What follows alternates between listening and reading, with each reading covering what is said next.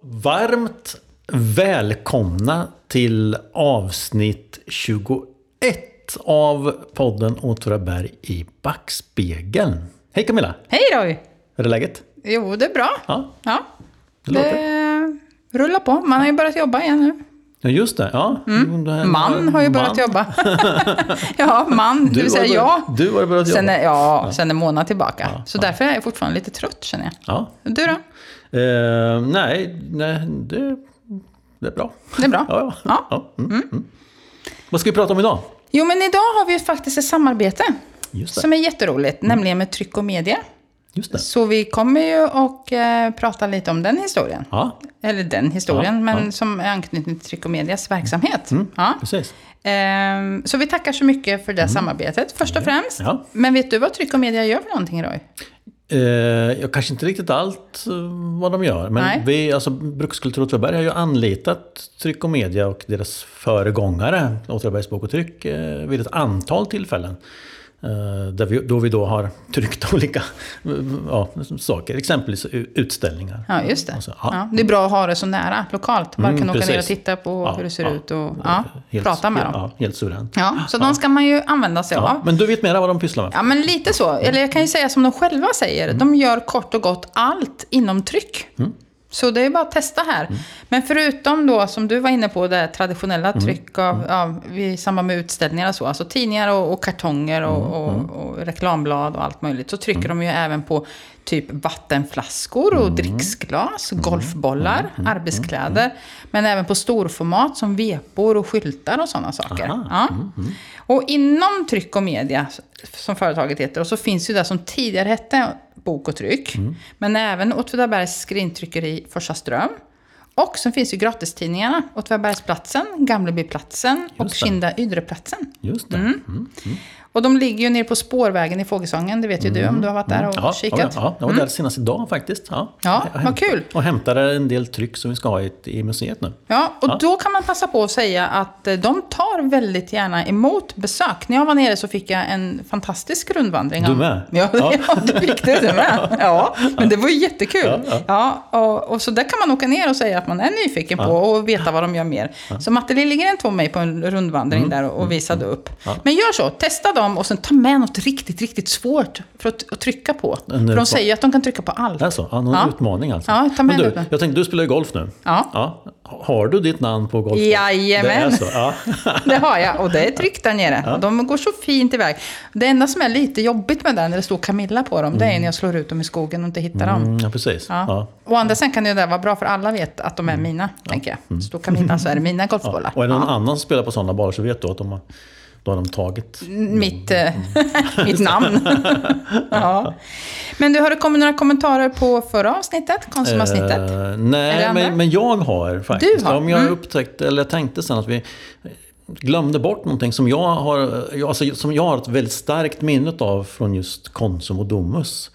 Eh, Och det har ju just att göra med alltså, konsumtionsföreningen, en, en av de bärande sakerna, nämligen återbäringen. Ja, det var lite just det. Ja, det var det. Ja, eh, men, men grejen är att jag kommer ihåg att mina föräldrar de samlade alltid kvitton. Men Ja. de, de handlade väldigt mycket på, på Domus eh, och, och Konsum.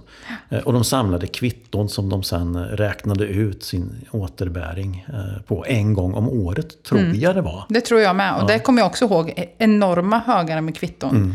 Som man då ja, kunde gå ner med. Vilket Ja. jobb! Ja, Mm. men precis. Ja. Så det, det har jag som ett väldigt starkt minne. Plus Mm. det att de körde också hem varor. Min mor hade inget körkort.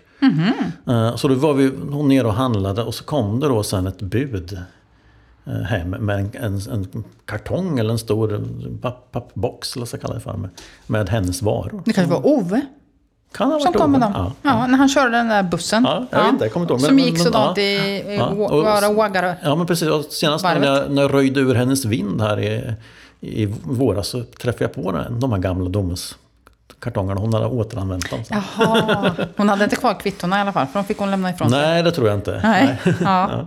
Ja.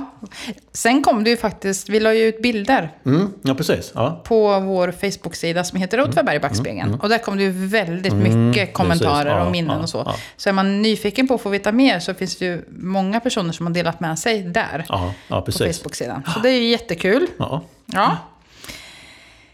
Ja. Ja, och som jag sa inledningsvis så är det ju så att vi vill ju ta upp lite saker som är kopplat då just till tryck och media eller bok och tryck, alltså företaget. Mm. Och De, jag, de har en, precis som alla andra har de en historia. precis, Mm. och det är det som är så roligt att vi då får tillfällen nu att, att gräva lite djupare i den. Ja.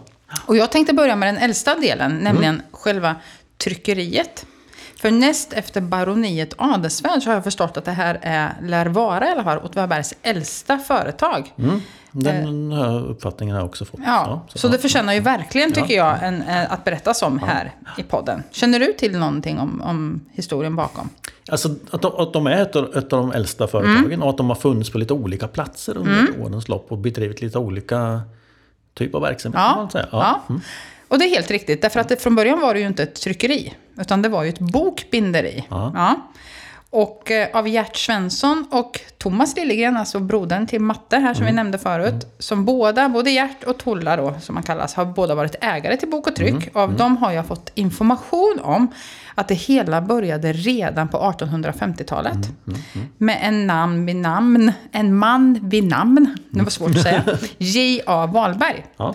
Han ska ha startat upp då Åtvidabergs bokbinderi. Mm. Och kan du gissa var han startade upp? Eller du kanske till och med vet vart han startade upp? Nej, Nej, i Berg. i Berg. I Berg. Alltså detta berg.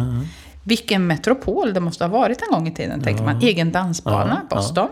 Konsum hade de ute i Berg. Och så nu alltså detta bokbinderi. Ja. Det är i men, men det här måste ju ha varit tidigare än den dans. Ja, ja, ja, ja. Jag bara tar upp några små saker. Da, dansbanan var på 30-talet. Ja, just det. Mm. Men det är i Berg det händer. Det är det jag vill säga. Ja. Mm. Och vem var då denne Wahlberg? Det var ju roligt att han hette så också. Ja. Eh, ja, efter en lång tids letande så hittade jag honom äntligen i kyrkoboksmaterialet. Ibland är det ju lite knivigt att hitta dem. Han var en sån. Och bakom initialerna då JA så gömmer sig namnet Johan Anton Abraham. Så han hade två A-namn där. Johan Anton Abraham Wahlberg. Och han föddes i Sankt Olae församling i Norrköping år 1826. Och eh, när han var 20 år gammal så blev han bokbindargesäll och flyttade, förmodligen då som ett led, tänker jag, i sin gesällvandring. För det gjorde man ju, man åkte runt på flera ställen. Så flyttade han till Linköping. Och tre år senare, år 1849, så fattade han det stora beslutet att flytta till Åtvidaberg. Och han bosätter sig inte i Berg direkt då, utan han bosätter sig vid kvarteret Marknadsbodarna på Östantorps ägor. Mm. Och det då är ju i närheten av de marknadsbodar vid Bruksgatan som du berättade om i förra avsnittet, eller hur? som fanns på Wadströms karta från slutet av 1700-talet. Mm, Ja, men precis. Ja, fast de fanns inte på Bruksgatan. Nej. Nej. nej, utan de fanns på det som idag var eh, vad heter det, Sjukhusgatan. Var det? Jag Ja. satt hela tiden och tänkte på Bruksgatan då. Mm, nej. Tänkte fel? Nej. Ja. Men det här är ju de som då Kom senare. kom senare. Ah. Sen, ja. Och de, ehm, alltså, vi vi har nog pratat om marknadsbodar tänker jag. Ja. Det är ju en slags eh, mera exklusiva marknadsstånd. Alltså Precis. bodar som de då har smackat upp för att ha under marknaden. Och i det här fallet så blir det så att de här marknadsbodarna, man- alltså folk börjar bosätta sig i de här. Eh, Och i kyrkböckerna kan man se att det flyttar in människor redan i början på 1800-talet i de här marknadsbodarna eh, på, på um, vid det som idag heter Bruksgatan. Mm. Förlåt, när sa du att de gjorde det? I början på 1800-talet. Ja. och, då- och då är det liksom eh, li- lite märkligt för att i kyrkböckerna så står de inte med sina fulla namn. Utan det kan stå Pagan Kajsa och Just Och- de som bodde vid marknadsbodarna? Ja, ja. Och sen flyttar det in fler och fler folk och man börjar mantalsskriva dem. Mm. Man var lite slarvig där inledningsvis på något sätt. Ja, jag vet inte. Ja, precis. Och det, det kan man ju tolka som att det kanske inte var några fullvärdiga bostäder, Bostäder, egentligen. utan tillfälligt man tänkte att de kom flytta. Ja. Ja, ja, sånt. Men tror du att om han står, att han var, eller han står ju som skriven vid kvarteret Marknadsbodarna. Mm, men- då men- vet man ju inte säkert att det var just i en, gammal marknadsbod han Jo. bodde. Jo! Nej men gud vad eller, eller något av dem. Det var, I mitten på 1800-talet så fanns där 15 byggnader eller någonting. Ja. Ja, varav en del var ju förstås då, eh, man hade säkert de var säkert fullvärdiga bostadshus Ja. vid det, vid det. Men, men Ja. Mm. i början på 1800-talet så verkar det vara till, mera tillfälligt Fast å boende. andra sidan så har du ju lite rätt i, för här bor han ju förmodligen väldigt tillfälligt. Mm. Just när han kommer till Åtvidaberg. För redan samma år så flyttar han nämligen till Rusthållet i Berg. Mm, Och det är från och med när han flyttar dit som han tituleras som bokbinderi, bi- bokbinderimästare. Och det indikerar ju att han nu startar sin egen verksamhet. Ja. Ja. För som gesäll så hade han ju arbetat som betald arbetare i en verkstad. Mm. Och som mästare så är han ju självständig yrkesutövare. Så han flyttar förmodligen till en marknadsbod tillfälligt och såg sig om vart han Ja. skulle liksom starta det här bokbinderiet då. Mm. Året därpå, år 1850, så flyttar han igen dock. Och, så han är inte så länge i Berg, Mm. Nej. även om det faktiskt var där det började. Det ska Ja. vi inte ta ifrån Berg. eh, han flyttar, och därmed så flyttar han ju också förmodligen bokbinderiet då tillbaka till Östantorps ägor. Den här gången i Södersborg. Mm. Och vi vet, tror du lyssnarna vet vad vi pratar om när vi Nej, Södersport? det kan vi förklara. Ja, precis. Vi, hade ju, vi pratade om den här filialen. Filialen på Förra Bruksgatan. Konsum. Ja, precis. Ja. Ja.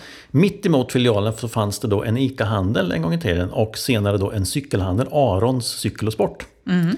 Eh, och Arons cykel och sport låg i kvarteret Södersborg. Mm. Eh, och det är ju ett, ett vad kan det vara, tre, fyra hus där som kallas, kallas just för, eh, vid den tidpunkten för Södersborg. Mm. Ja, så. Eh, Och där, eh, där bodde det också väldigt mycket han, han, hantverkare ska jag säga. Ja, det har du helt rätt i. För det såg jag i kyrkboken också. Många hantverkare och många andra mästare bodde ju där i olika branscher. Då. Ehm, Så det är helt riktigt. Och i samma år, i juni 1850, så gifter sig Wahlberg med den nio år äldre Stina-Lisa Andersdotter. Och han får under loppet av sju år tre barn, en son och två döttrar. Men sonen, Claes Anton, han dör vid två års ålder. Tio år senare så får den numera 34-årige bokbinderimästaren Wahlberg sällskap i bokbinderiet av en 15-årig pojke vid namn Wilhelm Andersson. Och han flyttar in från Kärna och han får en gesällplats hos Wahlberg. Och denne Wilhelm förstår du Roy, det här är en liten cliffhanger. Han är nämligen högintressant. Jag tänker att du kan säga till när det ringer en klocka. Okej. Ja. Det ringer ingen än Nej, nej, Nej, det är bra. nej, verkligen inte. Jag vill berätta lite till. Ja. Ja, Mm. ja, Eh, ytterligare tio år senare, 1870, på 1870-talet, så flyttade, flyttade mästare Wahlberg och Gesell Wilhelm, Mm. som nu har gift sig med en Selma. Så här fick du lite mer information då. Från Södersborg till andra våningen i gamla värdshuset vid torget, det vill säga ovanför rotboden. ja. Och här står, bostaden som de hade bestod av två rum samt två verkstadsrum. Och maskinerna som användes för att göra eh, allt det de gjorde då i det här bokbinderiet, det var en stockpress, en mindre skärmaskin, pappsax, tre handpressar, skärhyvel och en linjeringsmaskin för kontorsböcker. Och i ett rum så rymdes en pappershandel minsann, samt hade man försäljning av guld och silveraskar. Minsann. Jaha. Ja. Och medan Wahlbergs då, den här mästaren, hans två döttrar flyttar ut från boet så växer Gesell Wilhelms familj, alltså hans och Selmas familj. Och de får sönerna Axel och Albin. Men det är ju spännande för tänker om man tittar på det här eh, världs, gamla värdshuset där de har sin verksamhet. Mm. Så är, flyttar de ju in när Åtvidabergs brukshotell står klart. Ja, Och då precis. flyttar värdshuset, Ja. värdshuset blir hotell så Ja. att säga. Ja. Precis. Eh, Så här har vi en kronologi som, Ja. som, eh, som, som passar väl. Ja, skönt. Ja, Allt ja. annat hade ju varit jobbigt. Ja, men precis. Ja. Och då kan man fråga sig, vad, vad, vad, vad gjorde man då som, som eh, vad gjorde de för arbete som, som bokbindare, den här bokbindare Wahlberg? Ja, han hade ju alltså en väldigt stor kund här, Mhm. eh, nämligen då Åtvidabergs kopparverk. Ah, såklart. Ja. Eh, jag vet inte om det var, om, om det var hans huvud, huvudkund eller, eller hur det var. Men i deras räkenskaper, i Kopparverkets räkenskaper, så kan man alltså följa den här bokbindare Wahlbergs arbete. Eh, jag gjorde ett nedslag år 1865 så, som var ett av Kopparverkets bättre år. Och säkerligen ett av, ett av Wahlbergs bättre år också. Då. Eh, och då kan man då konstatera att han har bundit in och linjerat en styck inventariebok. Han har bundit in 1864 års kassaverifikationer eh, i två band. Han har bundit in en postbok, en annotationsbok, Oj, vad är det för något? eh, anteckningsbok. Jaha, Ja. Mm. annotation. Oh, så fint. Eh, tre stycken kontorsalmanackor. 182 motböcker. Just. Eh, och då tänker kanske folk motbok, tänker de Ja, ja. med, sprit och Ja, det gjorde jag med, som du Ja. hörde på mitt lilla skratt. Men, ja. men så är det nog Nej, inte. nej. En motbok är ju en, en bok där man registrerar sina uttag. Eller sin, och det kan vara av medicin, det kan vara av eh, Det kan vara eh, till Åtvidabergs eh, Kopparbergs spar, Sparbank, Sparbanksböcker helt enkelt. Eh, han har också bundit in alla 1866 års kontorsböcker, alltså de som brukstjänstemännen skulle ha eh, på eh, brukskontoret. Mm. Där de skrev i alla räkenskaper. Mm -hmm. Det gjorde man då alltså ett år i förväg. Aha. Ja, mm. så. Eh, nämligen, och kan man fråga sig hur många det är? Jo, det är 45 stycken böcker.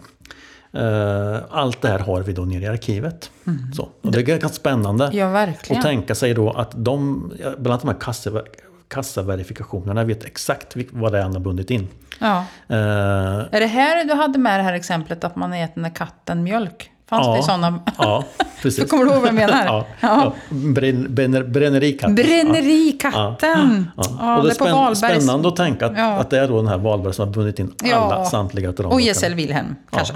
Ja, precis. Nej, det hade han ju inte riktigt. Jo, men det hade han ju börjat. Förlåt. Mm.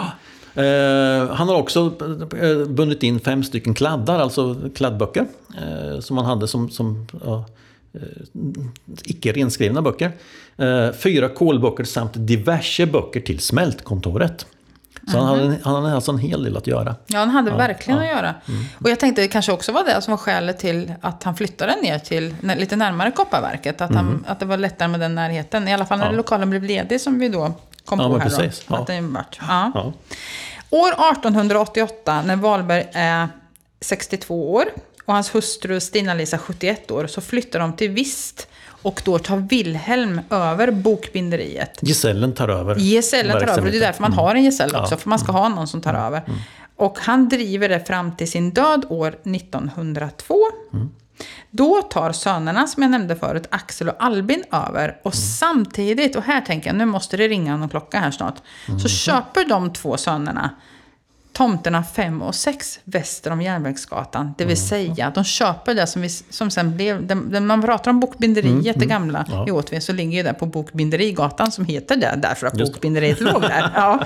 Men det är de här tomterna. Ja. Och här bor också med, tillsammans med då Sel, även här Selma, det vill säga Wilhelms hustru och Axel och Albins mamma. Mm. Axel, han gifter sig med Augusta Regina Herrström och får sex mm. barn. Mm. Och nummer tre i den här syskonskaran, Axel och Augustas, heter Ernst Wilhelm Ingvar Andersson. Han har varit med i ett tidigare poddavsnitt, nämligen poddavsnitt... Nu ringer den klocka tror jag. Ja men äh, det är han äh, som vi pratade om i förra avsnitt. För, för förra avsnitt. Ja, bra. Ja, på kyrk, nu är jag på kyrkogården. Jajamän. Ja, ja, ja. ja. Och han heter? Äh, Ingvar Ram... Stedt. Stedt. Jättebra! Mm. Ja, så här går det ihop och jag tror att jag nämnde det avsnittet, det vill säga avsnitt 19, över stock och sten del 4 var ju det. Eh, så, så, ja. Så det är absolut Ingvar Ramstedt. Så här finns kopplingen tillbaka. Jag tror jag nämnde då att hans pappa var ju bokbindare och så här också. Ja, mm. Albin, det vill säga Ingvar Ramstedts mm. farbror, han lämnar tryckeriet år 1907. Det här har, vi berätt, har jag ju berättat mm. förut då. Mm. Och överlåter sin andel till brodern Axel som driver fram till 1913. Och nu som först så, så bo, utökas ju bokbinderiet med tryckeri. Aha, så, så nu, det är där det kommer. Okay, ja. Ja. Och Axel han flyttar ju, som du kanske kommer ihåg, så småningom mm. till Söderköping och mm. blir biografagent. Mm. Ingvar följer med för övrigt. Och i de här efterforskningarna som jag har gjort om mm, bokbinderiet så har jag nu också hittat förklaringen till att Ingvar tar namnet Ramstedt. För det visste jag ju inte. Mm. Det var nämligen så att hans farfars far hette Anders Ramstedt. Mm. Och sen fick ju sonen då, alltså Ingvars farfar, få, fick ju heta Andersson. Ja, så där kom mm, liksom mm. Andersson. Och sen tar han ju då tillbaka Ramstedt. Ja, ja. Så det är lite roligt. Eh, år 1913 så är det tre andra herrar som tar över. Det är Henrik Svensson, alltså nu pratar vi mm. bokbinderiet och tryckeriet här då. Eh, Henrik Svensson, Julius Gabrielsson och Gustav Herrström. Mm. Och nu ändras namnet till Åtvidabergs bokbinderi och accidenstryckeri. Mm. Inte accidents tryckeri, Nej, som olyckstryckeri, utan accident. Vi tror ju att det heter så. Men ja, förlåt, det var inte hela namnet heller, utan det heter Åtvidabergs bokbinderi och accidenstryckeri Herrström och kompani. Ja. Väldigt långt. Ja. Mm. Mm, mm. Och accidenstryckeri är ju ett mindre tryck, som mm. till exempel av visitkort. Jaha, som, ja, jag förstår. Ja. Mm. Mm, så. lite accidentally trycker de lite visitkort kan man tänka. Som av en händelse. Ja, som av en händelse.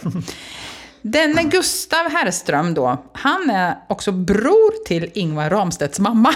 Nu blir jag nästan... Ja, nu börjar det bli invecklat Ja, det är invecklat. Det är lite som när man frågar någon sån här... Ja, men du låter som en släktforskare nu. Jag tänkte mer när man pratar med lite äldre i Åtvidaberg. Ja, men du vet, han är ju bror till hon som var där och som är kusin med Mm. Ja, han som... Ja, så. Men det här, och det här är lite så. Det jag egentligen vill säga är att det hänger ihop. Här, ja. För han är ju svåger då till Axel som har haft en tjänst som arbetar i bokbinderiet. Mm. Ja. Ehm, så. 1800, nej, 1958, vi är inne på 1900-tal här nu. 1958 så tar den ena av de tre ägarna, Henrik Svenssons son, Tage Svensson, över firman tillsammans med en Harald Pettersson. Och även Tages bror Ture arbetar i företaget. Vi kan väl helt enkelt konstatera att du ser helt svettig ut. Det är jag som ska vara svettig över alla de här som har jobbat i bokbinderiet. För genomgående så är det så att under åren så är det i mångt och mycket så har det varit ett familje eller det, ett ju- det, är inte, släktföretag. bara- det är inte bara ett av, av Åtvids äldsta, det är också ett av Åtvids äldsta familjeföretag Ja, förstås. verkligen. Ja, eh, Så det, eller släktföretag för att det liksom, ja. Och den här Ture, Tages bror Ture, som jag jobbade för, det var många som jobbade och även om de inte ägde det så, som också var släkt då. Han var enligt vad man säger expert på att göra guldtryck. Jaha, Utan att det blev några linjer av det. Han gjorde det för hand liksom. Eh, under 60-talet så var det någon som berättade också, så gjorde de bland annat samlingskartongerna åt Facit. På det här Åtvidabergs Ja, jag ja. tänkte säga Åtvidabergs bok och tryck, men det hette Ja, det ju inte nej, då. nej, nej. De gjorde 310 sådana i veckan. Du vet vilka jag menar, de här samlingskartongerna. Jag tänker att det är de här som vi det. använder. Ja, men precis. De här som man knäpper. Ja, Åtvidabergskartongen. Ja, jaha, heter det så? Det står Åt- Åtvidabergs, ja, om det gör det. Ja, Mm, ja. Det heter Åtvidabergs eh, någonting. Ja, Ja. precis. De är ja, himla bra. Ja, de, de, eh, ja, precis. De är jättebra nu. Ja, jag har några hemma som jag kanske egentligen inte äger själv, kommer jag på nu. Kanske brukskultur. Ja. Men i alla fall, när bokbinderiet ska rivas faktiskt på bok, Bokbinderigatan i samband med att, nämligen det som hände i vårt förra avsnitt, att Domus byggs 1970. Just det, då åker de bort. Då kan, åker de bort, precis. Eh, Så flyttas företaget återigen till Gamla torget. Den här gången i Gamla mejeriet höll de till ett tag. ja. Och nio år senare, 1979, så flyttar ju de till en annan lokal som vi också haft uppe. Vi har snart gått igenom allt. Nämligen före detta brandstationen vid Åsen. Just det. Ja. Och några år tidigare hade man också bildat ett aktiebolag och bytt namn till just Åtvidabergs Bok och Tryck AB. Tage han är kvar i firman till 1983, då tar sonen Jan över.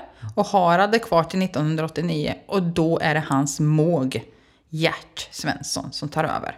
Och när Jan slutar 2006 så tar hans måg, eh, Thomas Liljegren, över hans del. Så det är mågar här Ja. som tar över. Det är också Ja, men det är väldigt roligt. häftigt med det här. Ja, det är jättekul. Och att det är liksom mågarna också, så att inte, att man, ja, det lever kvar liksom. Verkligen. Och idag så ryms alltså det här Åtvidabergs bok och tryck eh, inom företaget Tryck och Media. Mm. Och som jag nämnde förut så ligger ju företaget idag på spårvägen. Och om man åker ner dit, som vi rekommenderar då, så kan man bland hypermoderna maskiner som idag finns liksom i den här parken, maskinparken. Och där de senaste förvärven är en tre- 360 graders, kan man vet inte om man säger grader, men 360 rundprinter. Ja, det är ju grader i alla fall. Ja, nu börjar det bli tekniska. Ja, nu börjar det bli teknisk. Ja, som kan trycka på koniska och cylindriska föremål. De har en maskin som graverar och skär och fräser i trä, metall, glas och plexi. Det finns en UV-printer, en brodyrmaskin och en 12 meter lång inplastningsmaskin som... eh, Ja, och så bland allt det här då, den hypermoderna utrustningen som inte allt, allt var tydligen inte riktigt ihopplockat och använt än, men de har väldigt mycket avancerad, avancerade maskiner. Så står ett skåp med gamla trycktyper i bly och två gamla svarta högtryckspressar av märket Heidelberg. Men och det här är ju såna här riktigt, riktigt gamla. Såg du dem idag? Nej, men jag har nog sett dem. Men jag tänker, de använder dem inte. Så, nej. nej, Eller? Jag tror inte, nej. jag tror inte de använder dem nu, utan de står nog där. Mm. Men de användes under lång tid, även i modern tid. Ja. I oktober 1993 så gjorde nämligen Korren, Östgöta korrespondenten, ett besök Mm. på Bok och Tryck när de var, då var de ju vid brandstationen. Och de besökte Harald Pettersson som arbetade sin sista dag på jobbet då. Och på bilden som publicerades i korren så står han och plockar med de här blytyperna i lådan, eller kasterna som det heter, de här som man drar ut, där blytyperna finns då. Eh, och berättar att de här gamla maskinerna är fortfarande bra att ha än idag, säger han. Där tryckte de små visitkort och brev, det vill säga accidents-trycket. Ja. Med en set-hake, så heter det, lägger boktryckaren nämligen blytyperna så att de bildar ett ord, alltså i, i en Ett, verk, form. ett verktyg som man använder. Ja, man, att man plocka- plockar med en sån här set-hake, de här blytyperna, och sen bildar man ju ett ord och lägger, alltså lägger ner det i form och bildar ord, så trycks det i pressen. Och Harald berättar här då, i, när korren gör besök, att det var ett smutsigt jobb. Och tryckaren hade ständigt svarta fingertoppar, för tydligen fick man väl ändå, alltså de var svart om fingrarna trots denna set-hake då. Trycksvärtan gick inte bort förrän till semestern, berättade Harald för korrens reporter. Eh, och en av de här tänkte jag, gamla Heidelbergarna lär ju också kom, komma från det gamla Facit-tryckeriet. Jaha. Ja, mm. Och det tryckeriet vet ju du mer om. ja, men precis. Nu har ju vi varit... ehm, I all, all den stora verksamhet som, som Facit hade så fanns ju tryckeri. eh, så. Ehm, och ursprunget där finns då i eh, det, som, det som var Åtvidabergs snickerifabrik. Aha. Ja, och då kan man ju liksom...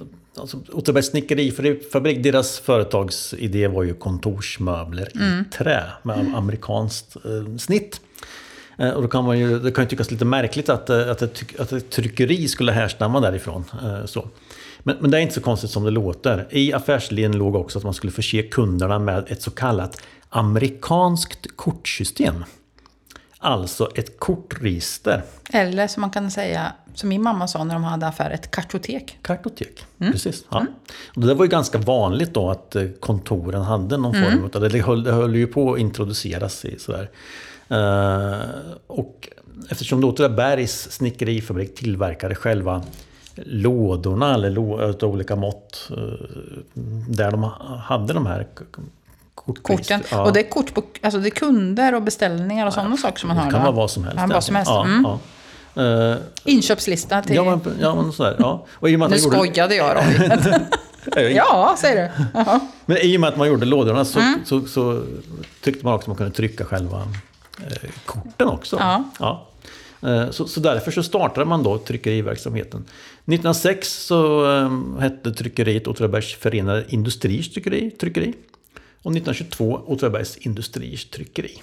Så det här var ju alltså då, var det ett konkurrerande tryckeri till Bok och Tryck? Eller var det så att de gjorde sina egna saker mest? De gjorde nog egna saker mest där. Å andra sidan så gav de inte Bok och Tryck-uppdragen som de kanske hade gjort tidigare på Wahlbergs tid då? Nej. Att binda, Nej. gjorde han då. Nej, Nej, men de hade sant. ett eget. Men det är ju Ja. begripligt. Ibland så tryckte man ju, eh, kanske inte i början för då, då, då lämnar man bort det. Man ska titta, jag tänker på möbelkatalogerna. Man gav ju ut eh, kataloger över de möblerna man hade till försäljning.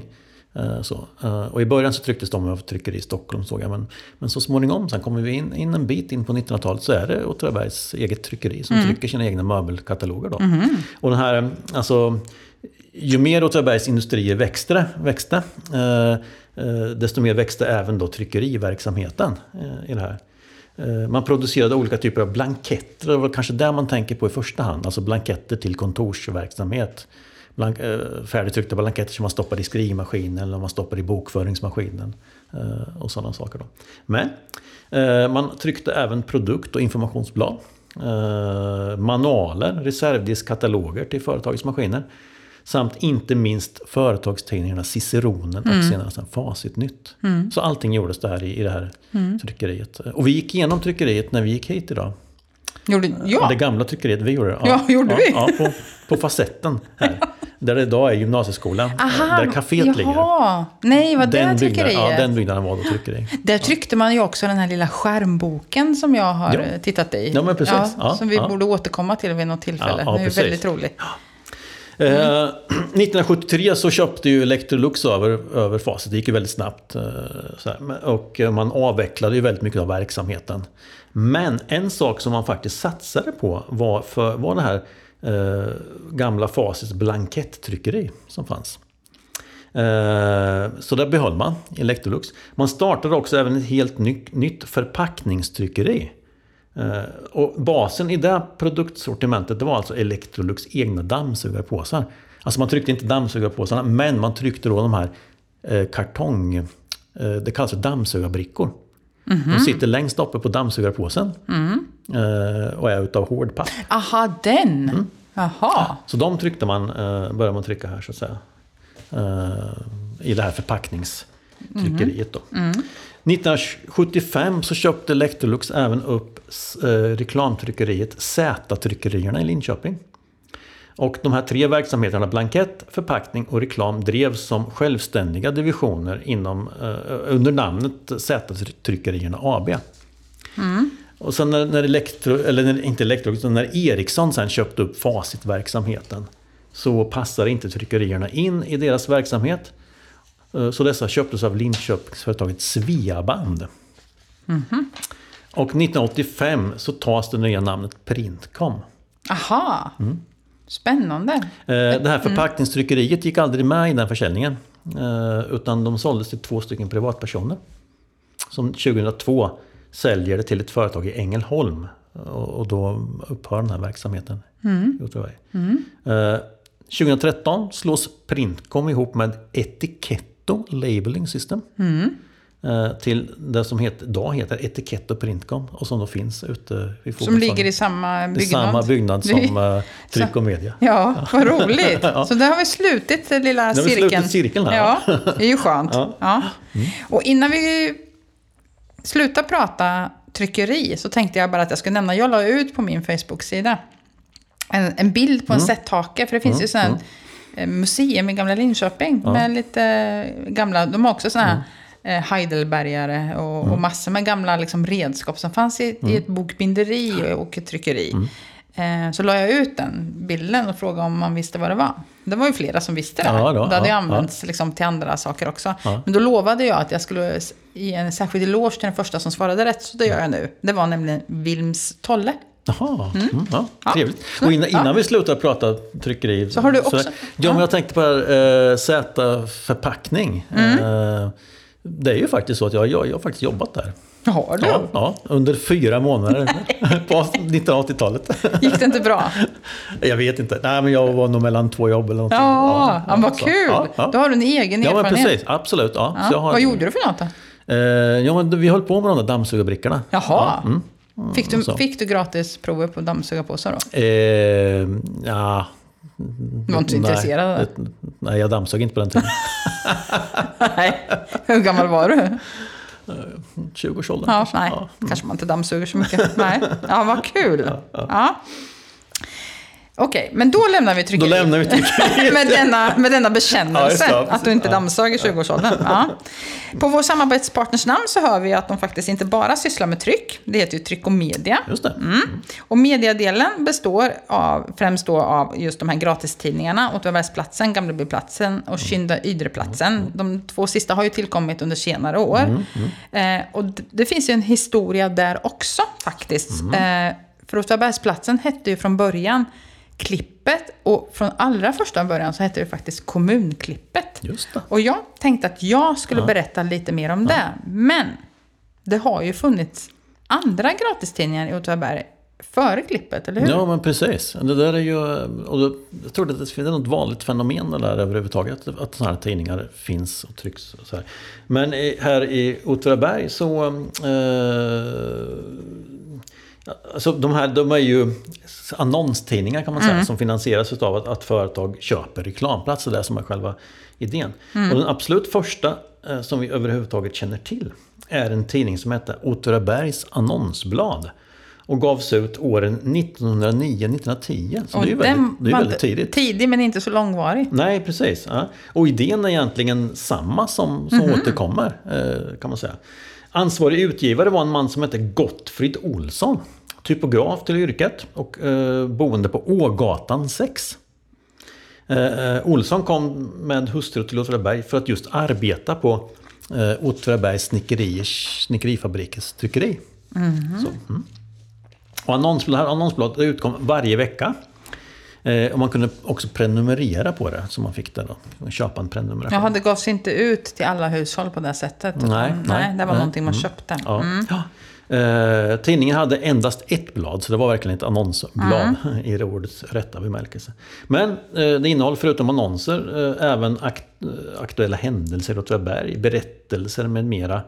Eh, och vi har några exemplar utav det här bevarade i, i arkivet faktiskt. Mm. Ja. Men varje vecka under 1909-1910, det blir ju ändå ett par stycken. Ja, det vore ju jätteroligt att titta i. Mm, ja. Och de, de är, alltså, just den här kombinationen annonser och redaktionell text Ja. är någonting som Ja. återkommer. Så. ja, för även annonserna säger ju väldigt mycket om ja, det, vilken verksamhet det finns på en ort. Ja, men det får vi nästan lov att återkomma till, Ja, vad som precis. stod i de här. Ja. Vad heter det nu? Åtvidabergs annonsblad. Annonsblad, ja, 1909. Så han, ja, så han startade på... Ja, förlåt. På eget bevåg, ja. Ja. ja. Eh, Och man skulle kunna tolka kyrkböckerna när man tittar där som att han hade också gett upp sin anställning på snickerifabriken för att kunna starta det här annonsbladet. Li- lite osäkert men, men. Ja, undrar vad som hände med honom sen då? ja, han flyttade från orten. Ah, gjorde han? Så att... ehm, ja, jag vet inte Ja. om, det- kanske inte gick, gick så jättebra. Nej. Ja. Ehm, ehm, Men egentligen det som det man tänker på just det här med, med eh, annonsblad eh, är ju det som startades 1976. Det som då hette Kopparbladet, som du kanske minns. Nej. Nej. Jag var ju väldigt liten 76. Ja, ja, jo, det det var ju Ja, du med i och för sig. ja. Men- men det grejen är kanske höll på ett tag. 70 de startade 76, de höll på väldigt länge. Så du, du har säkert träffat på det tänker jag. Ja, eh, bakom kanske. det här annons, eh, kopparbladet så låg eh, aktivitetskommittén i OFF. En, en grupp inom OFF som då eh, jobbade med det här.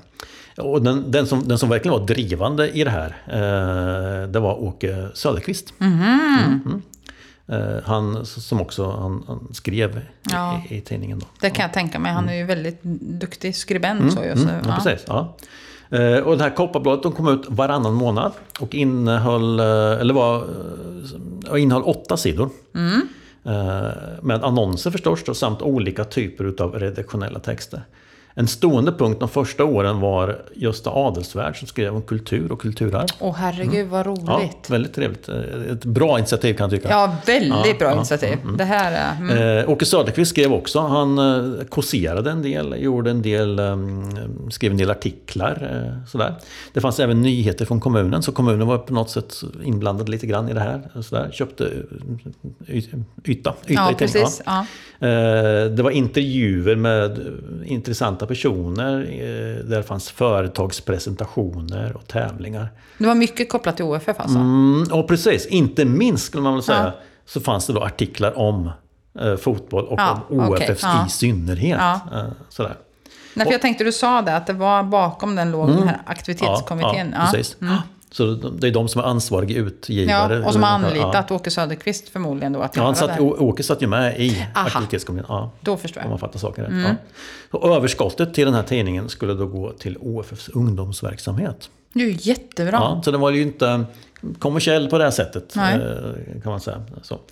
Eh, I arkivet så har vi bevarat årgångar fram till 1989. Eh, Det är 13 år förstås. Mm. Eh, Jag vet inte om tidningen utkom efter det. eh, Eller om, vi liksom, om inte vi har... Nej. Jag, tror inte den gjorde det. Eh, Och grejen är att, att eh, den ändrar lite karaktär under årens lopp. Eh, Från början så känns det som en tidning för Åtvidaberg. Med, man skriver om ganska mycket. Eh, Olika saker. företag. Ja, Mm. precis. Men på slutet så känns det mera som en slags OFF informationstidning. Mm. Ett förlängt, eh, ett, eh, en förlängd OFF-arm Ja. på något sätt. Ja. Annonserna fanns hela tiden. Ja. Men, men att det var, blev mer och mer och mer OFF. Nischat mot det, ja. Mm. Så. Men 89 i alla fall, någonstans där. Ja, av Så slutar man göra den. Ja, men det var ju också väldigt roligt att titta i. Mm. Men klippets historia då? Kommer du ihåg när klippet började? Mm, nej, jag skulle väl inte vilja påstå, men kanske, man kanske tar vid efter det här kopparbladet. på något sätt. Ja, Nej, inte riktigt. nej. Det går några år emellan. Ja. Eh, nämligen 1995, då började inte klippet. Men då träffas två tjejer. Båda heter Åsa. Åsa Larsson och Åsa eh, Almroth, som numera heter Melefors. De gick nämligen på Dagfolkhögskolan Villan i Åtvidaberg och läste in sista året på gymnasiet. Ja. Åsa Larsson, hon kom från Malmberget, alltså i närheten av Gällivare. Och Åsa Almeroth eh, kom från Grebo och de lärde känna varandra här. Och, och så insåg de ganska snart att de ville hitta på något och de ville göra det här ihop. Åsa L Larsson, eh, hon var ju som sagt hemmahörande i Malmberget i närheten av Gällivare. Mm. Och hon berättade då att hemma hos henne så fanns det ett lokalblad. Mm. Eh, som man hade tagit fram för att ja, lite få ihop Mm. två städer och samla information till invånarna. Och nu kom de här två åsarna på att de skulle hitta på något liknande. Så samtidigt som de läser in sista året på villan så arbetar de också fram en affärsidé. Mm. Och de tar nyföretagarlån, de tittar på lokal på Järnvägsgatan. Och fastnar för den här lokalen och tycker att den är bra. Alltså i, eh, som jag kallar det för, Ringköpshuset. Det är ingen ung person som vet vad jag menar då. Men där Sanremo ligger idag i alla fall kvar, till exempel, som fanns samma tid som Ringköp. Mm. Där tittar de på lokal. Och när de ska besöka den igen en andra gång för att kika lite, då har den höjts ut. Till en man som också skulle göra en lokal tidning. Okej. Precis som de hade tänkt att göra. Fick de veta. Så det var ju lite chockartat. För de hade verkligen arbetat fram den här affärsidén och nu ska de starta igång. Och så får de veta att någon har precis, i den lokal som de också hade tittat på, tänkt att göra exakt detsamma. Men de tar i kontakt med den här mannen. Och han säger då, för att det här var mer, som de uppfattade mer en politisk tidning han Ja, skulle göra då. ja. Och han, men han svarar dem att jag är en gammal gubbe. Är det två unga tjejer som vill göra det här, ja då släpper jag det. Det var väl hjärtans... Väldigt Ja. fint tycker jag. Eh, och, men även om den här mannen då valde att inte starta tidningen så var inte lokalen tillgänglig längre. Utan de får istället en lokal i Facetten. Mm. Och de beskriver, när de ska förklara vart den här lokalen är, en trappa ner med fönster mot hälsofabriken.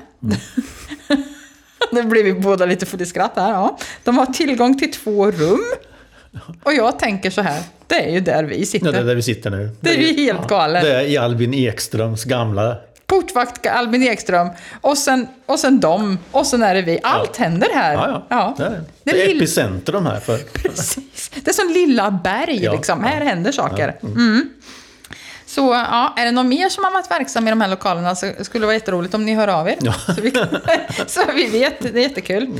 Senare så flyttar de till det här vita huset som har varit arbetsförmedling vid Stenhusgatan. Och sen till Ossagården, Brukskontoret och sen då till Spårvägen eftersom de är en del av tryck och media nu. Ja. Den för allra första tidningen, nu ska jag komma tillbaka där, till det, den eh, eller bladet egentligen också faktiskt, den var i A3-format och kom ut i oktober 1996. Och då hette den som sagt Kommunklippet.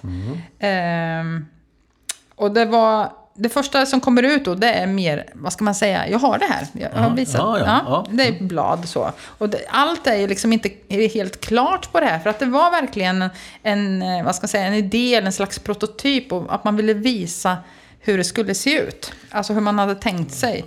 Ehm, och jag tänkte jag Det, sk- det ser ut som en... Som en eh, det du har i handen ser ut som en vikt... eh, ja, A- en vikt A3. Alltså en A3. Ja. Och så kan man bläddra upp den Ja, en gång. det. Och sen är det liksom, här till exempel har de här föreningsinformation Ja, så är det ganska Ja. tomt. Ja. Mm. Men det var liksom att de ville visa så här har vi tänkt. Och så är de själva på bild här då. Åsa Larsson och Åsa Almeroth. Mm. Och sen skriver de så här. Äntligen med jättestora Mm. bokstäver. Äntligen är hösten här. Och äntligen står vi på mållinjen. Just idag har nämligen alla hushåll i Åtvidabergs kommun med posten fått det allra första numret av vårt informations och annonsblad, Kommunklippet. I fortsättningen står det inom parentes, ska det komma ut varannan torsdag.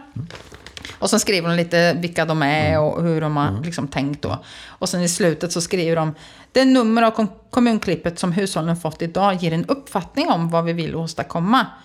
Här ska kommunmedborgarna kunna se vad som är på gång i kommunen. Affärsidkarna ska kunna annonsera ut sina tjänster och produkter. Och här grattar vi vänner och anförvanter. Byter och köper och säljer prylar och annat. Allt till priser som alla har råd med. Det vill säga att annonsera här då.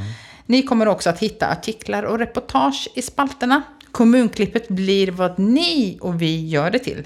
Välkomna med era, era idéer, eller tips och idéer, står det. Det låter lite grann som Kopparbladets ja. signatur och det låter lite grann som det här Åtvidabergs annonsblad också. Ja men precis. Ja, ja. Och det är ju mycket som du säger, det är en annonsering. Och de ville ju från början samla alla annonser. Sen visade sig det vara svårt. För till exempel livsmedelsaffärer ger ju ut sina egna annonsblad för att de är en stor koncern mm, och sådär. Mm, mm. Men det var en enorm stolthet mm. att de lyckades gå från en idé till ett faktiskt mm. blad. Mm. Eh, och det, så småningom så tar de ju bort kommun så att det bara heter klippet, inte kommunklippet. För att det fanns mycket, det, ja, men det blev en del missuppfattningar mm. om att det var kommunen som gjorde tidningen ja, till exempel. Mm. Mm. Och som sagt, det var en gratistidning som byggde, från allra första början då, som byggde på att företag annonserade. Och det var mer tungjobbat, alltså 96, jag ska säga, jag min dotter föddes ju 96, jag mm. vet att jag gick ner och skulle liksom... Ja, men det här var ju mm. jättekul när hon mm. fyllde år, att man kunde gå och skriva en radis, som det hette. Ja. Och det kostade ja. inte så mycket pengar och så här. Men de berättade ju också, 96 känns ju inte alls länge sedan. Nej. Det är bara 24 år. Ja. Men det var så otroligt mycket mer tungjobbat då jämfört med idag. Det fanns ju inte mail. Nej. Nej. Utan man fick skicka fax. ja. Och eh, alla hade inte fax. Eller annonsen, till exempel det finstilta, syntes inte på faxutskriften. Mm. Så att de var ändå tvungna ofta att åka till liksom företagen och, och sådär. Och det tog ju väldigt lång tid. Det var väl säkert också väldigt trevligt. Mm. Och idag så kan man ju jättelätt mejla korrektur till kunderna och sådär. Mm. Det ju, har ju hänt så otroligt mycket. Men oavsett vad, berättade Åsa Almroth, eller Melefors som hon heter idag, som jag har pratat med, så Oavsett vad som har hänt, sa hon, så har tidningen alltid kommit ut. Alla år på den dag det ska komma ut. Under tidningens 24 år så har det då varit två större katastrofer. Den första katastrofen då var tidningen helt klar och Åsa Almeroth hade sparat ner den på en jättestor kassett. Nu är vi ju tiden före. du vet, man kunde inte spara som hon sa, vad hette det? Vad het, vänta nu, vad heter nu kommer jag. Diskett. Diskett, tack! Det, allt rymdes inte på en diskett, för diskett fanns ju. Men ah, det, ja. det här var en jättestor kassett. Mm. Och hon sa vad det hette och jag mm. tänkte, ja, ja, ja, sa jag. Och jag vet inte vad det hette. Men, och så åkte hon till tryckeriet. Och när hon kom till tryckeriet så var allt borta. Det var helt svart liksom. Det var bara att börja om. Oj. Ja. Och lärdomen då var ju att alltid ha en backup. Ja. ja. Den andra katastrofen var betydligt större. En riktig krasch. Den inträffade flera år senare, nämligen eh, 2015. Tidningen var då också helt klar. Eh, så när som på en annons som Åsa skulle fixa med dagen därpå. Och det hela, sen skulle det gå till tryck. Och nu hade de ju inte ett eget tryckeri. Nej, så, nej. nej. 2015 kanske de hade det förresten. Ja. Men när de kom på morgonen, ja det hade de ju förstås, men mm. första gången hade de ju inte det. Utan jag tror de tryckte i Stockholm. Mm. Eh, eller Linköping menar jag. Mm. Linköping. Ja. Men när de kom på morgonen i alla fall, vid den här andra gången, så var servern med backup-hårddisk helt svart. Det fanns inget kvar. Okay. Tre års annonser som, återan, som ofta då återanvändes, ja, men logotyper och allt sådär, ja. man hämtade gamla annonser, det var borta. Liksom gamla texter och så vidare. Och det kändes av Åsa som att ett helt livsverk bara försvann. Och hon åkte upp med serverdelen till Stockholm för att få hjälp och se om hon kunde mm. få någonting tillbaka på den här då. Mm. Eh, vissa företag som hon sa, de hade ju annonserat från allra första början och alltid var med. Mm. Och nu kunde man liksom inte återanvända någonting. Men de sa att det, det gick inte att göra någonting. Och vad som hade hänt var helt obegripligt. För att den här Um, som den här som de sparade på då, hela servern och alltihopa. Det hade varit inlåst i ett serverrum. Mm. Uh, men de som tittade på den sa att den måste hamnat i golvet. Mm. Så att här, är frågan om att det finns några spöken som... Ja, ja. Mm, mm, mm. Och lärdom två, lärdomarna här är jag som har hittat två, men lärdom två är att det, det tyvärr inte alltid hjälper med en backup. Nej, precis. ja. Och huvudsyftet, som har nämnt då med klippet, det var ju att samla all reklam. Det här mm. var ju tiden när man tänker också före Facebook och andra digitala ja, kanaler, där ja, man precis. själv lätt kan annonsera. Mm. Eh, men det blev också ganska snart ett starkt syfte att bygga och lyfta det positiva Åtvidaberg också. De var, har alltid månat om att lyfta fram Åtvidabergs företag och även göra tidningen till mer än annonsplats. Mm, alltså ett mm, magasin mm, med lite längre redaktionella texter och sådär. En annan person som jag har pratat med om klippet, eh, Cissi Ren. Mm. Mm, för hon eh, kom med som delägare 2002-2003 där någon gång. Ihop då med Åsa Melefors. Mm. Och Sissi hon berättar att hon har alltid varit svag för starka personligheter, personer så, och möten med människor. Och här fick hon ju då möjlighet att skriva reportage om, det. ja, om personer. Och de här reportagen som hon sa, de lästes gärna. Det var till och med så folk hejdade liksom Sissi på gatan och frågade vem blir det nästa gång som man kan läsa om? Alltså sådana här profiler, människor då. Och hon upplevde att människor alltid var så öppna och att hon fick uppleva fantastiska samtal genom att göra de här intervjuerna, intervjuerna då. Och att de präglades av humor och erfarenhet som gjorde väldigt djupa intryck på Cissi själv. Och de här personerna, ofta till åren komna, eh, satt som hon sa på så himla mycket klokskap och erfarenhet om orten och om saker som hade förändrats över tid. Och hon gick ofta från de här intervjuerna med en känsla av samtalet. Och det var också det hon gärna ville förmedla i sin text. Att ge en rättvis och nyanserad bild av personen och förmedla den här särskilda känslan. Och särskilt så minns hon möten med Holger Smed. Som hon intervjuade flera gånger. Och fick som vän. Kommer du ihåg Holger Smed? Ja. Ja. Jag tror, han heter inte Smed. Hon kallar honom Nej, det. nej, han, heter- kallar, kallas, jag har ingen aning om vad han hette efternamn. men Nej, han jag tror hon nämnde det allmä- faktiskt. allmänt för Holger Schmidt. Ja, och han finns ju inte kvar idag Nej, då. nej. Att, ja. 2015, eh, samma, samma år som den stora kraschen, serverkraschen, så bytte klippet namn till Åtvidabergsplatsen. Och dessförinnan hade det också bytt ägare. Och idag är det således en del av företaget Tryck och Media. En sista sak tänkte jag bara, som jag inte egentligen vet om jag får säga för den här personen. Nej, men vi, nej, det är lite kul. Eh, Jag får säga det för den ena, det vill säga att tvillingbrodern Matte Liljegren har gett mig eh, tillåtelse att berätta om Tolla Liljegren. Eh, som, de säger att allt de gör på tryck och media, liksom tidningarna, är miljövänliga. Okej. Ja, vilket den ju måste vara Ja, idag. ja, mm. Och enligt matte då så har brodern Tolla lovat att äta upp en tidning om det måste bevisas för någon att den inte är miljövänlig.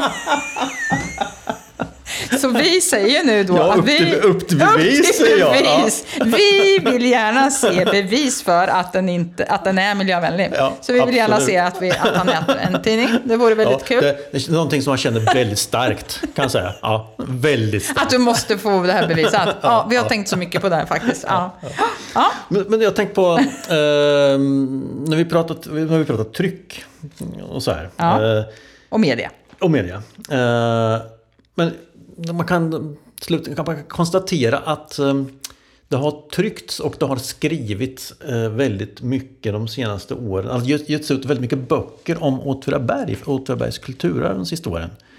Eh, kan jag tycka. Ja. Ehm, och, jag hoppas och tror att, eh, att Brukskultur Åtvidaberg på något sätt kan ha en, vara delaktig i det där på så sätt att, man har, att vi har ehm, gett folk eh, möjligheter att också kunna eh, skriva. Jag- tänker så här, ett exempel. Eh, 2004 så gjorde vi en utställning om Åtvidabergs fotbollsförening. Eh, journalisten eh, eh, Mats... Tittar du på mig? Ja, precis. Vet jag vem det här är? namnet. Ja, han skrev ju sen boken Hjältarna efter att, ha sett den ja. här. Och jag är Mats så dålig... Som... Nej, nej.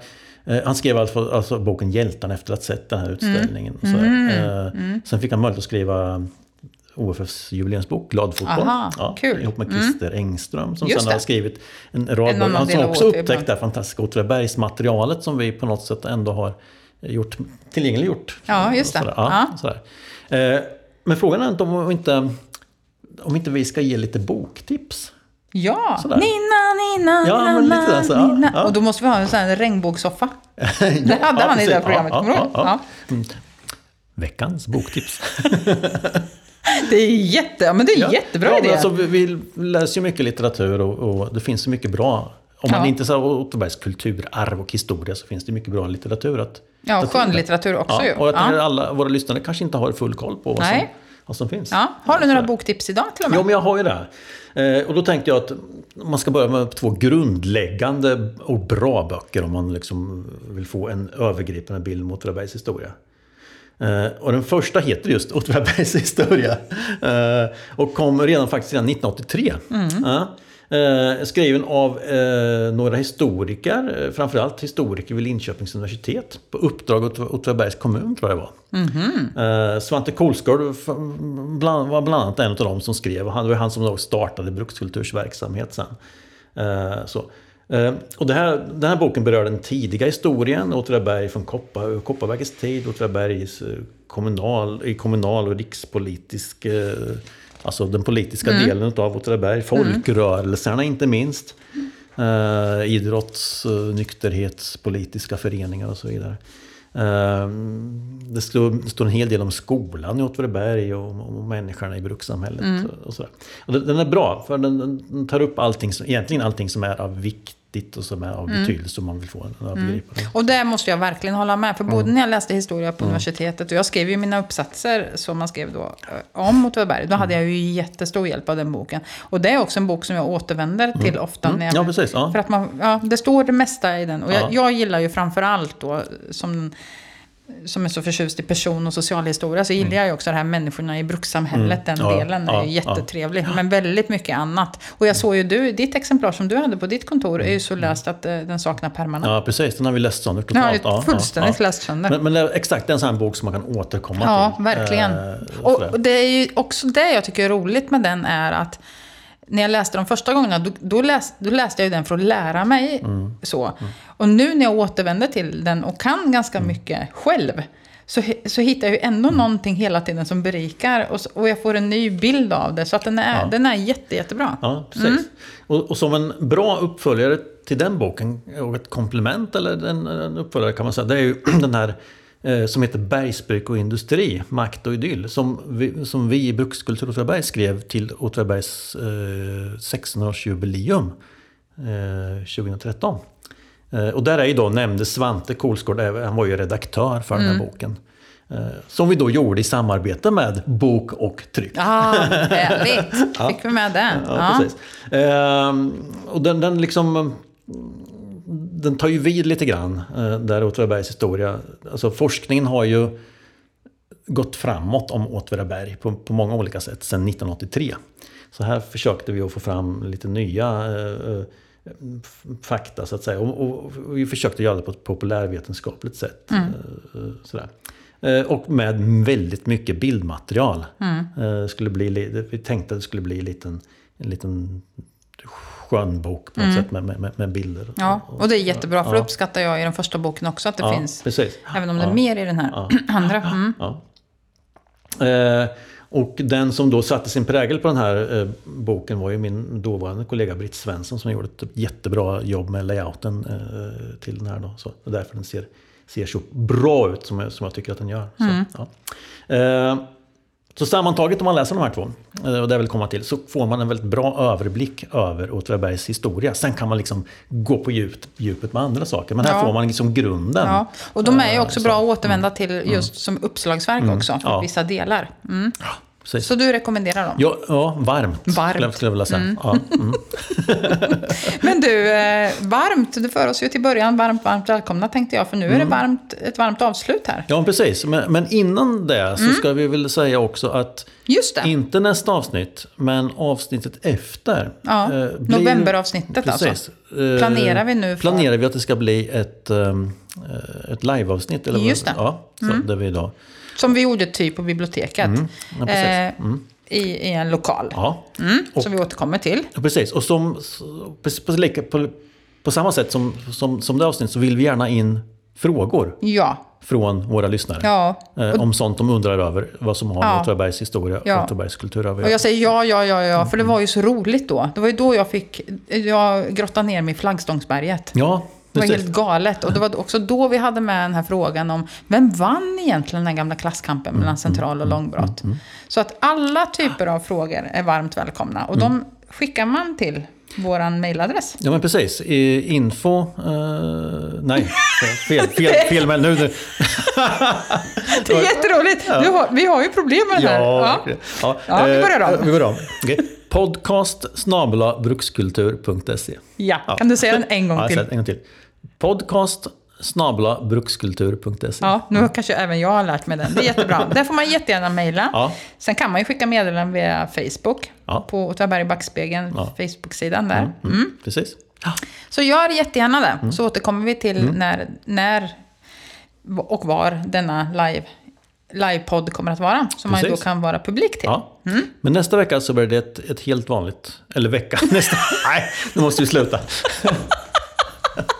nästa, må, nästa månad. Ja.